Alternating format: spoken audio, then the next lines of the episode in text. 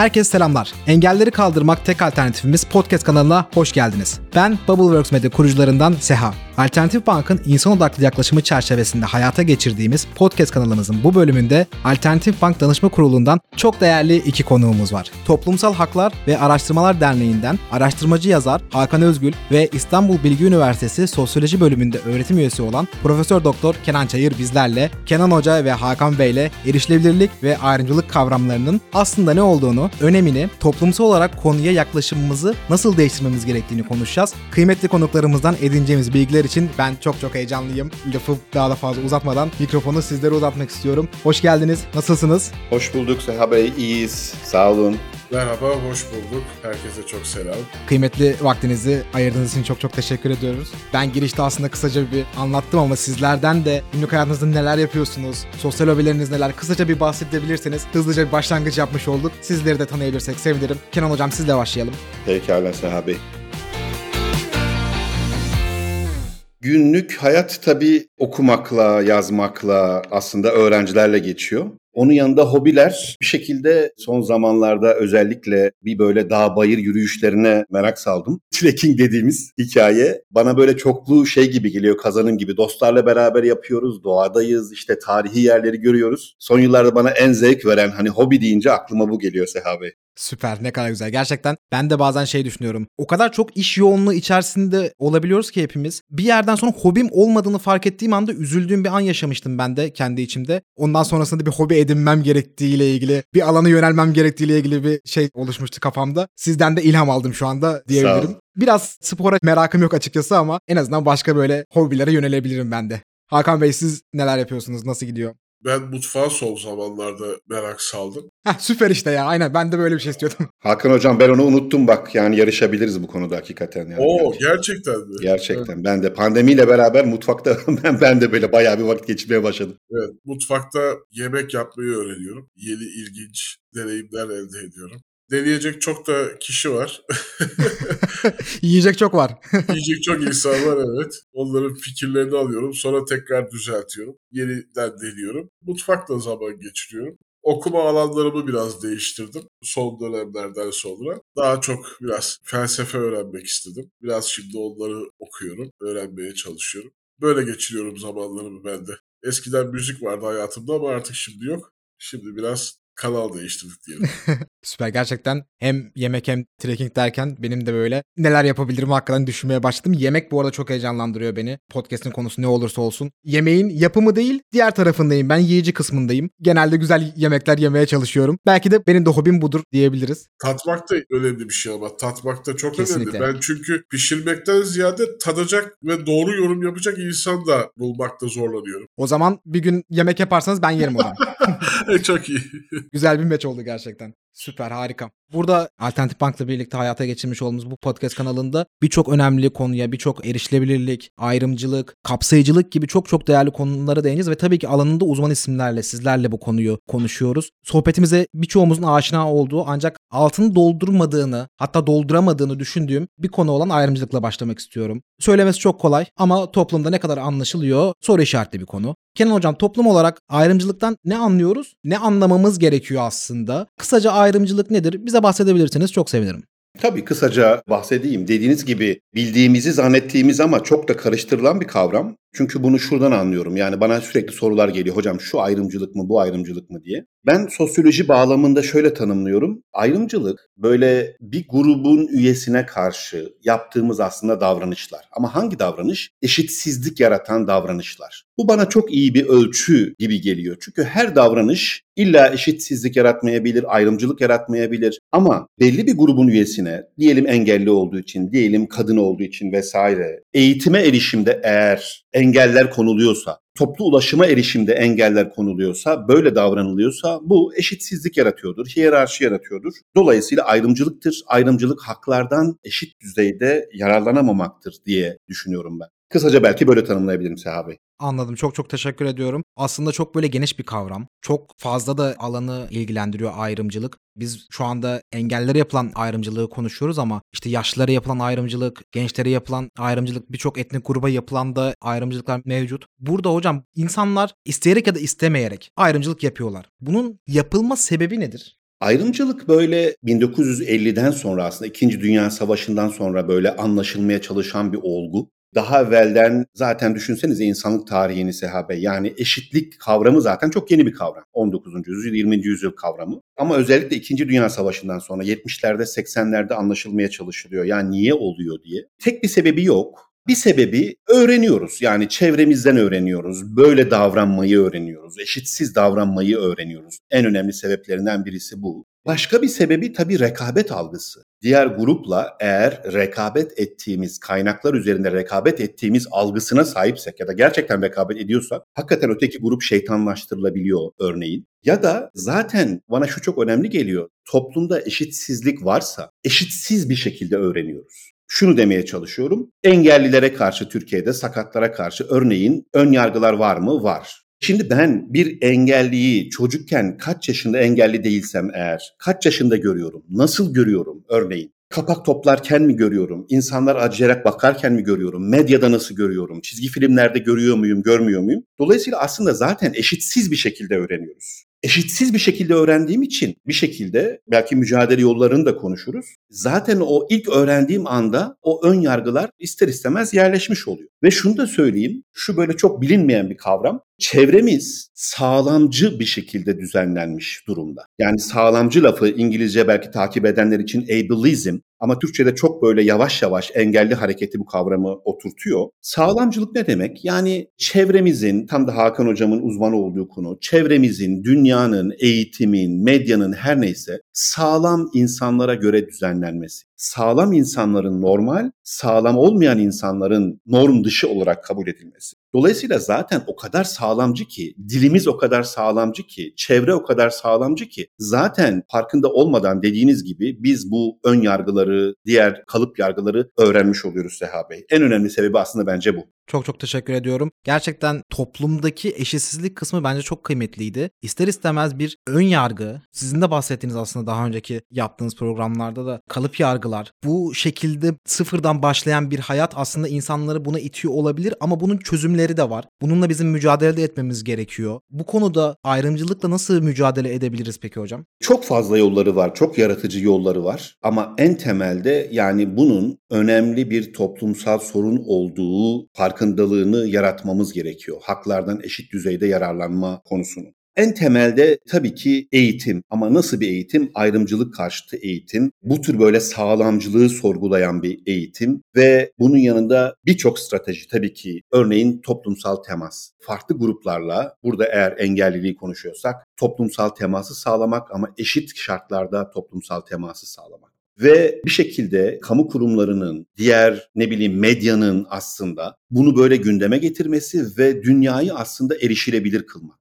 Erişilebilirlik tabii Hakan hocama dönmek gerekiyor burada çünkü onun uzmanlık alanı. Erişilebilirlikten böyle hani deyince böyle hemen böyle işte aklımıza böyle rampa falan geliyor. Ama aslında her anlamda dünyayı erişilebilir kıldığımız anda bütün farklılıklar için çok geniş kullanıyorum. Ayrımcılığı biraz daha azaltmış oluruz diye düşünüyorum. Dediğim gibi stratejilerin sonu ucu bucağı yok. Ama çok temelde farkındalık, eğitim, toplumsal temas ve dünyayı erişilebilir bir yer haline getirmek için beraberce toplu bir şekilde mücadele etmemiz diye özetleyebilirim. Aslında hepimizin sorumlulukları var. Hepimizin bu sorumluluklara uyması gerekiyor. Baktığımız zamanda da erişilebilirliğe çıkıyor aslında kapı. Burada Hakan Bey size dönmek isterim. Ayrımcılık konuştuk. Sorumluluğu üzerimize almamız gereken diğer konuysa erişilebilirlik. Yani böyle yapılsa da olur değil. Zaten yapmamız gereken bir konu ama önemi bilinmeyen yine konulardan bir tanesi. Sizce erişilebilirlik kavramı toplumda nasıl algılanıyor? Kenan Hocam da biraz bahsetti ama genel olarak toplumsal algıda nasıl bir bakış açısı var? Ve erişilebilirlik tam olarak nedir? Bu konuyu da bize açabilirseniz Hakan Bey çok çok sevinirim. Şimdi Kenan Hocam dedi ki rampa hemen aklımıza geliyor ben son dönemlerde yaptığım takdimlerde de bu konuyu bir alt başlık olarak rampanın ötesine geçebilmek başlığıyla takdim ediyordum. Ama şunu itiraf etmek gerekir ki henüz onun ötesine geçebilmiş değiliz Türkiye'de maalesef. Hatta biraz daha aşağı çekmek icap ederse benim çocukluğumda böyle alaycı bir laf vardı. Kaldırım mühendisi mi olacaksın diye. Bizim memlekette kaldırımı standardın bize söylediği şekilde imal eden belediyeye rastlamak çok zor Türkiye'de. Örneğin ben yakın zamanda işte benim yaşadığım İstanbul'un büyük bir ilçesi hatta buradan Büyükşehir Belediye Başkanı'nı gönderdik. Yerinde öyle tanımlayayım. Bütün kaldırımları söktüler ve yeniden yaptılar. Bir tasarım, iki imalat hatası ve üç bu evrensel tasarıma biraz sonra geleceğiz onun hiçbir kuralına doğru düzgün uymuyor. Yani dolayısıyla günümüzde bırakın erişilebilirlik kavramını anlamak, onun gerekliliklerini yerine getirmek, henüz kaldırım yapmaya öğrenmeye ihtiyacımızın olduğunu söyleyerek bir giriş yapabilirim. Peki nedir erişilebilirlik dediğimiz şey? Biz tabii sadece fiziksel çevreyi anlıyoruz. Bugüne kadar öyle anlatıldı. Nedir işte rampa olacak. Son zamanlarda hissedilebilir zemin dediğimiz o sarı noktalar ve takip çizgileri onlar olacak. Bir tane engelliler için tuvalet olacak. Böyle tarif ediyorlar. Halbuki erişilebilirlik dediğimiz kavram bu fiziksel çevrenin yüzlerce yapı elemanından birkaç tanesi. Dolayısıyla erişilebilirlik dediğimizde fiziki çevre, ulaşım, bugün için bilgi ve iletişim teknolojileri, iletişim olanaklarını, halka veya kamuoyuna açık aslında her yerde eşitlikçi bir şekilde bu hizmetlerden ve alanlara insanları yararlanabilme ilkesini ortaya koyuyoruz. Erişilebilirlikten anlamamız gereken budur. Yani bir kişiler bağımsız olabilmeli, İki, tam ve etkin katılabilmeli. Bunun önündeki her düzenleme veya imalat erişilebilirliğin tam karşısında duruyor. Öte yandan şunu da söylemeliyiz. Eskiden fiziksel çevreyle sınırlandırıyorlardı bunu ama şimdi bakın son dönemlerde bilgiye erişimin en önemli aracı bilgi sistemleri üzerinden gerçekleşiyor. Telefon, haber alma kaynakları, haberler, hatta ödevler, lisans tezleri bunların tamamı artık işte böyle kalın kitaplarda değil de internet ortamında değil mi? Oradan erişiyoruz ve dolayısıyla bu sistemlerin erişilebilir olması da çok önemli. Körlerin bunu okuyabileceği altyapıya sahip olmasını kastediyorum aslında. Veya bu bilgilerin anlaşılabilir sadelikte yazılması veya işaret diline çevrilmesinden bahsediyorum. Bunun aslında çok temel birkaç tane ilkesi var. İşte biraz evvel söyledim evrensel tasarım dediğimiz şey. Çok basit aslında. İşte ne diyor evrensel tasarım bize? Bir, eşitlikçi kullanım. Kullanımda esneklik olmalı. Basit ve sezgisel kullanıma olanaklı hale gelmeli. Algılanabilir olmalı hatalara karşı dayanıklı olmalı, düşük fiziksel güç gereksinimini desteklemeli, yaklaşım ve kullanım için boyut ve mekan bunları da dikkate almalısınız diyor. Bu Birleşik Devletler'de 1990'lı yılların başında Ronald Bayes tarafından ortaya atılmış bir kavramdır. Bugün için çok kullandığımız universal design dedikleri, herkes için design dedikleri bize kavramı getirmiştir. Şimdi biz sanıyoruz ki bu kavram sadece engeller için yapılan düzenlemeler öyleymiş gibi takdim ediliyor. Halbuki değil engelliler, işte bebekler, çocuklar, 60 yaş üzeri insanlar, hamileler, geçici sakatlık yaşayan kişiler, puset taşıyan ebeveynler, dikkat eksikliği yaşayanlar gün içerisinde, hatta elinde çantası olan, işte iki eli dolu olan kişiler için dahi erişilebilirlik kavramının önemi aslında ortaya çıkıyor. Özetle erişilebilirlik nedir, ne olması gereklidir ve neyi kapsamaktadır şeklindeki soruya bu şekilde yanıt verebilirim. Çok çok teşekkür ediyorum Hakan Bey. Gerçekten birçok noktayı ayrıntılı bir şekilde anladım ve anlattığınız şeyler çok çok kıymetliydi. Bunun sadece bir fiziki çevreyi kapsamaması, aslında herkes için bir erişilebilirlikten bahsettiğimizi ve bunun çok daha ötesinde bunun bir insan hakları da diyorsunuz siz buna. İnsan hakları meselesi olduğu da zaten oldukça önemli, oldukça kritik toplumumuzdaki kişilerde bunu sağlamamız gerektiğinin önemine değindiniz. Herkes için erişilebilir tasarımlar yapmamız gerekiyor. Evrensel tasarım ilkeleri aslında buna hizmet ediyor, bu yaklaşıma hizmet ediyor. Özellikle altını çizmek istediğim noktalardan bir tanesi sadece engelliler için değil, telefonla konuşan insanlar için dediniz. Bir derdi olan ya da hamile insanlar için dediniz. Yaşlılar için, herkes için erişilebilirliği sağlamamız gerekiyor. Erişilebilirliği sağlamak böyle şey gibi de değil olarak anlıyorum. Hakan Bey doğru muyum? Yani bu bunu bizim yapsak olur ama yapılmıyor ve şu andaki bu inşa edilen yapılar buna hizmet etmiyor. Yapsak olur değil. Bu zaten böyle olmalıya oldukça güzel şekilde ifade ettiniz bence. Teşekkür ediyorum. Rica ederim. Aslında yapsak olur mu, yapmalı mıyız sorusu çok somut hukuk nezdinde. Bu bir zorunluluk. Sebebi de çok açık. Temel hak ve hürriyetlerin kullanımı için erişilebilirlik bütün hakların tam ortasında duruyor. Oy kullanırken, eczaneden ilaç alırken, fırından ekmek alırken bunlar hep karşımıza çıkan, günlük yaşamda da karşımıza çıkan meseleler. Dolayısıyla erişilebilirlik bütün hakların merkezinde bir ön koşul, olmazsa olmaz. Kesinlikle öyle. Çok çok iyi oldu. Peki burada erişilebilirlikle alakalı birçok aslında alanı ilgilendiren bir konu olduğunu biliyoruz. Sadece mimarlık konusu değil bu. Bunun bir multidisipliner yaklaşım olduğundan da bahsediyorsunuz. Biraz da burayı açabilir miyiz? Nasıl düşünmeliyiz buradaki yaklaşımları? Hangi alanlarda aslında erişilebilirliğe odaklanmamız gerekiyor veya oradaki branşların, alanların bu konuya nasıl odaklanması gerekiyor? Buradaki multidisipliner yaklaşımı da biraz açabilirseniz çok sevinirim. Tabii biz şimdi sanıyoruz ki erişilebilirlik meselesi işte mimarların yapması gereken tasarımlar, düzenlemeler. Halbuki bugün için biliyoruz ki biz önce bunun için bir devlet politikası gerekli.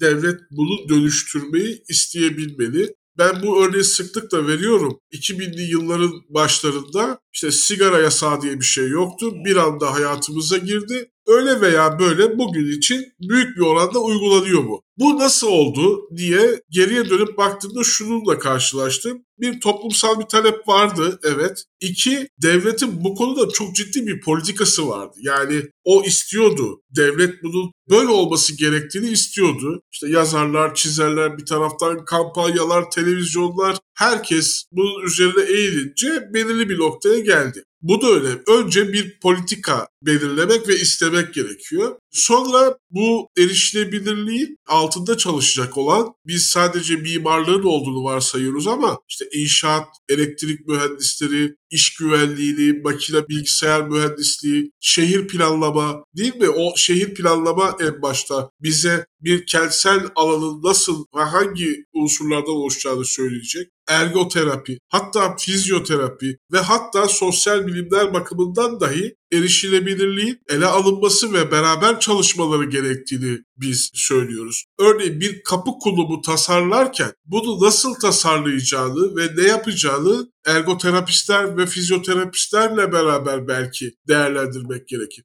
multidisipliner yaklaşımdan kastımız aslında birçok disiplinin bu hizmetleri beraberce yapabilmelerini kastediyorum.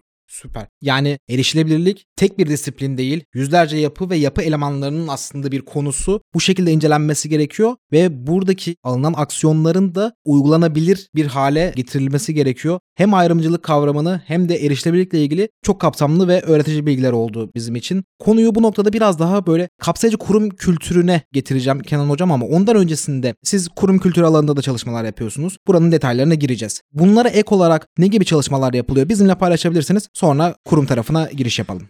Kapsayıcılık tam da Hakan Bey'in dediği gibi bu erişilebilirlikle birebir örtüşen bir kavram. Ve burada engellilik odağımız olduğu için dünyadaki engelli hareketinin başarısını da altını çizmek lazım. Çünkü kapsayıcılık 1970'lerden bu yana özellikle dünyada engelli hareketinin gündeme getirdiği bir kavram. Çünkü niye? Dediler ki yani bizi özel eğitim kurumlarına hapsetmeyin, ayırmayın. Biz de genel eğitime dahil olmak istiyoruz bir şekilde. Yani kapsayıcılığı gündeme getirdiler ve bugün kapsayıcılık sadece engellilikle ilgili değil. Örneğin eğitim alanında kapsayıcı eğitim tüm farklılıkları ele alan bir kavram haline geldi. Ve bugün siz de kapsayıcı kurum kültürü kavramını açtınız. Dünyada global şirketler başta olmak üzere iş dünyasında, diğer bütün alanlarda yavaş yavaş kapsayıcılık, çeşitlilik departmanları kuruluyor. Çünkü niye bu önemli? Yani bütün bunları niye konuşuyoruz? erişilebilirliği, ayrımcılığı Seha Bey. Çünkü şöyle bir şeyimiz var. Yani idealimiz, hedefimiz var. Yani eşitlik. İnsanların eşitlik ve barış ve huzur içerisinde yaşamaları. Eşitliği genelde yine yanlış anlıyoruz. Böyle herkese aynı davranmak gibi. Bana şu tanım çok önemli geliyor. Eşitlik herkese aynı davranmak değildir. Eşitlik herkesin farklı ihtiyaçlarıyla aynı düzeyde ilgilenmektir. Çünkü aynı değiliz. Cinsiyetlerimiz farklı, işte engellilik durumumuz farklı, etnik kökenlerimiz farklı, dillerimiz farklı, farklı ihtiyaçlarımız var. Dolayısıyla Seha Bey kapsayıcılık dediğim zaman ben farklı ihtiyaçları görmek, farklı ihtiyaçları karşılamak olarak anlıyorum ve bunu yapan kurum kapsayıcı kurum kültürünü geliştiriyor. Toplum kapsayıcı bir toplum haline geliyor. Hani benim de kafa yorma sebebim biraz sosyolog olarak bu odak diyebilirim. Anladım. Çok çok teşekkür ediyorum. Aslında burada kapsayıcılığın biraz da sebebini de merak ediyorum ben. Bir toplum nasıl bir başka grubu kapsamak ister ya da niye böyle bir ihtiyaç doğduğunu da açıkçası merak ettim. Bunun da cevabını alabilirsem sevinirim.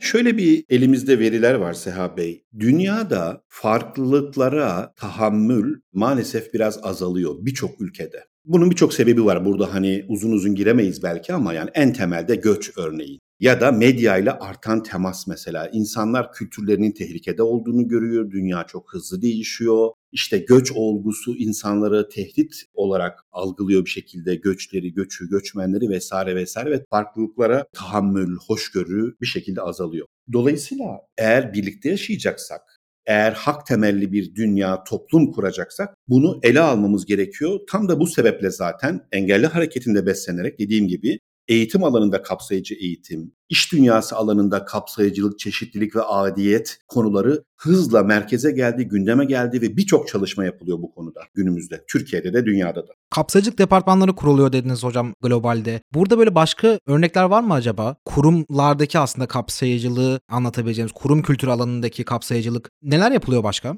Valla işte ben de çalışıyorum bazen. Hakan Bey de diğer beraber çalıştığımız arkadaşlar da çalışıyorlar. Genellikle insan kaynakları departmanlarının altında oluyor ama yurt dışında özel kapsayıcılık artık uzmanları falan da var. Yani bu çoklu temelde yani çalışanların aslında farklı ihtiyaçlarını görmek, farklı ihtiyaçlarını fark etmek ve şirketi, kurumu buna göre düzenlemek. Dediğim gibi bu cinsiyet temelinde olabiliyor, engellilik temelinde olabiliyor, öğrenme temelinde olabiliyor. Yani insanlar farklı farklı öğreniyorlar, farklı ihtiyaçları var. Bunları böyle görmek şirketi, çalışma düzenini, ofislerimizi yine erişilebilirlik konusuna bağlayabiliriz burada. Aslında farklı ihtiyaçları karşılayacak şekilde düzenlemek anlamına geliyor. Bu anlayışı yerleştirmek anlamına geliyor. Tabii son olarak şunu söyleyeyim. Beni burada motive eden şey şirketi dönüştürünce ne oluyor? Ya aslında buradaki kültür, anlayış, kapsayıcı kültür yavaş yavaş ne oluyor? Ailelere yayılıyor, topluma yayılıyor, toplumsal dönüşüme hizmet ediyor. Yani bir banka, alternatif bank, diğer bankalar diyelim erişilebilir kıldığı zaman fiziksel ortamını ve şirket kültürünü kapsayıcı hale getirdiği anda çalışmalardan biliyoruz ki bu orada kalmıyor, şirket dışına da taşıyor. Dolayısıyla hani benim kapsayıcı şirket, kapsayıcı eğitim, kapsayıcı toplum diyorum. Aslında toplumsal bir dönüşüme hizmet ediyoruz en temelde diye düşünüyorum.